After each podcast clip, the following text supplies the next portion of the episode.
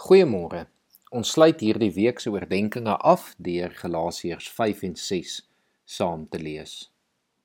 Christus het ons vrygemaak om werklik vry te wees. Staan dan vas in hierdie vryheid en moet julle nie weer onder 'n slawe juk laat indwing nie. Kyk, ek Paulus sê vir julle, as julle julle laat besny, sal Christus vir julle geen betekenis hê nie. Ek sê dit weer nadruklik vir elkeen wat hom laat besny. Hy is verplig om die hele wet van Moses te onderhou. Julle wat van julle sonde vrygespreek wil word deur die wet te onderhou, julle het julle band met Christus verbreek. Julle het die genade van God verbeur. Wat ons betref, deur die werking van die Gees is dit ons hoop en verwagting dat ons deur te glo vrygespreek sal word. In Christus Jesus is dit nie van belang of jy besny is of nie. Al wat van belang is, is geloof wat deur die liefde tot dade oorgaan. Julle was so goed op pad. Wie het julle verhinder om die waarheid te bly gehoorsaam? Wie het julle omgepraat? Nie God nie. Hy roep julle tot gehoorsaamheid. 'n Bietjie suurdeeg deurtrek die hele deeg. Ons band met die Here gee my die vertroue dat julle net so sal dink soos ek. Maar die man wat julle in verwarring bring, wie hy ook al mag wees, God sal hom straf. Wat my betref, broers, as ek nog verkondig dat 'n mens besny moet word, waarom word ek dan vervolg? Dan is die kruis as struikelblok mos uit die weg geruim. Ek wens die mense wat die verwarring onder julle stig, wou hulle self dan maar heeltemal ontman. Julle is tot vryheid geroep. Moet net nie julle vryheid misbruik as 'n verskoning om sonde te doen nie, maar dien mekaar in liefde. Die hele wet word in hierdie een gebod saamgevat. Jy moet jou naaste lief hê soos jouself. Maar julle byt en verskeer mekaar. Pas op dat julle mekaar nie later heeltemal verslind nie. Wat ek bedoel is dit: laat julle lewe steeds deur die gees van God beheers word. Dan sal julle nooit soog voor begeertes van julle sondige natuur nie. Wat ons sondige natuur begeer is in stryd met wat die gees wil en wat die gees wil is in stryd met wat ons sondige natuur begeer. Hierdie twee staan lynreg teenoor mekaar en daarom kan julle nie doen wat julle graag wil nie. Maar as julle julle deur die gees laat lei staan julle nie meer onder die wet nie. Die praktyke van die sondige natuur is algemeen bekend: onsedelikheid, onreinheid, losbandigheid, afgodsdiens, towery, vyandskap, haat, naaiwer, woede, risies, verdeeldheid, skeuring, afguns, dronkenskap, uitspattigheid en al dergelike dinge.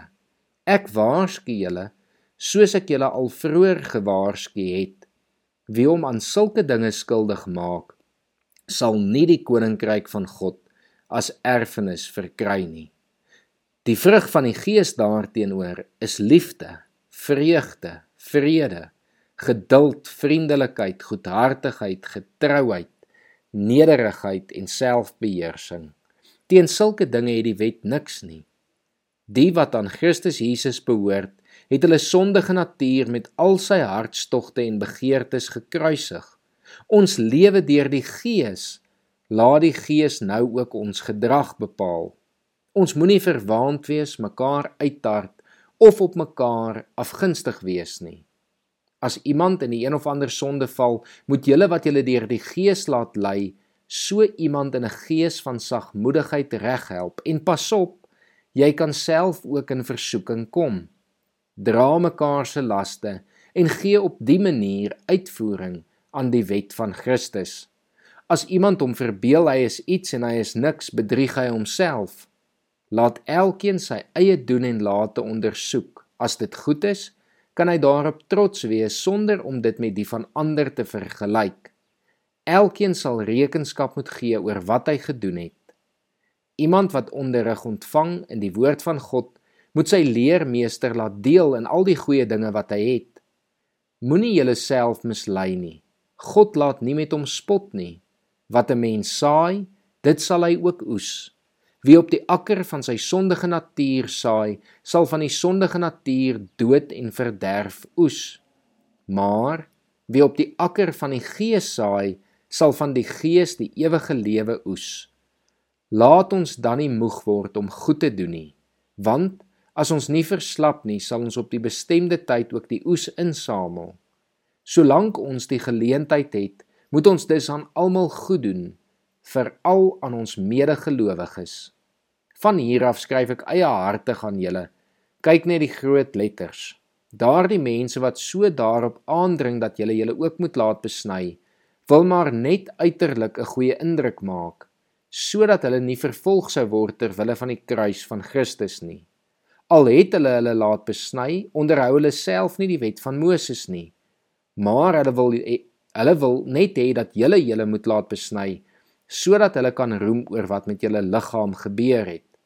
Maar wat my betref, mag God verhoed dat ek ooit oor iets anders roem as oor die kruis van ons Here Jesus Christus, want deur die kruis is die wêreld vir my dood en ek vir die wêreld. Of 'n mens besny is of nie, is nie van belang nie, maar dat jy 'n nuwe mens is. En almal wat volgens hierdie beginsel leef, die ware Israel, mag God aan hulle vrede gee en barmhartigheid bewys. Niemand moet dit vir my verder moeilik maak nie, want ek dra al klaar die littekens van Jesus aan my liggaam. Die genade van ons Here Jesus Christus sal by julle gees wees. Amen. In hierdie twee hoofstukke kom die hele brief van Galasiërs bymekaar. Ons is vrygespreek van die wet, ons is nou kinders van God en ons kan nou as kinders as nuwe mense begin leef. En hoe doen ons dit? Ons doen dit deur die Heilige Gees. Die Heilige Gees moet ons lewe lei en bepaal. Ons moet na sy stem luister en aan hom gehoorsaam wees. Dan sal ons die vrug dra waarvoor ons bestem is. Dan sal ons die lig van God in hierdie wêreld laat skyn. Ja, dit kan gebeur dat ons val en daarom het ons mekaar nodig.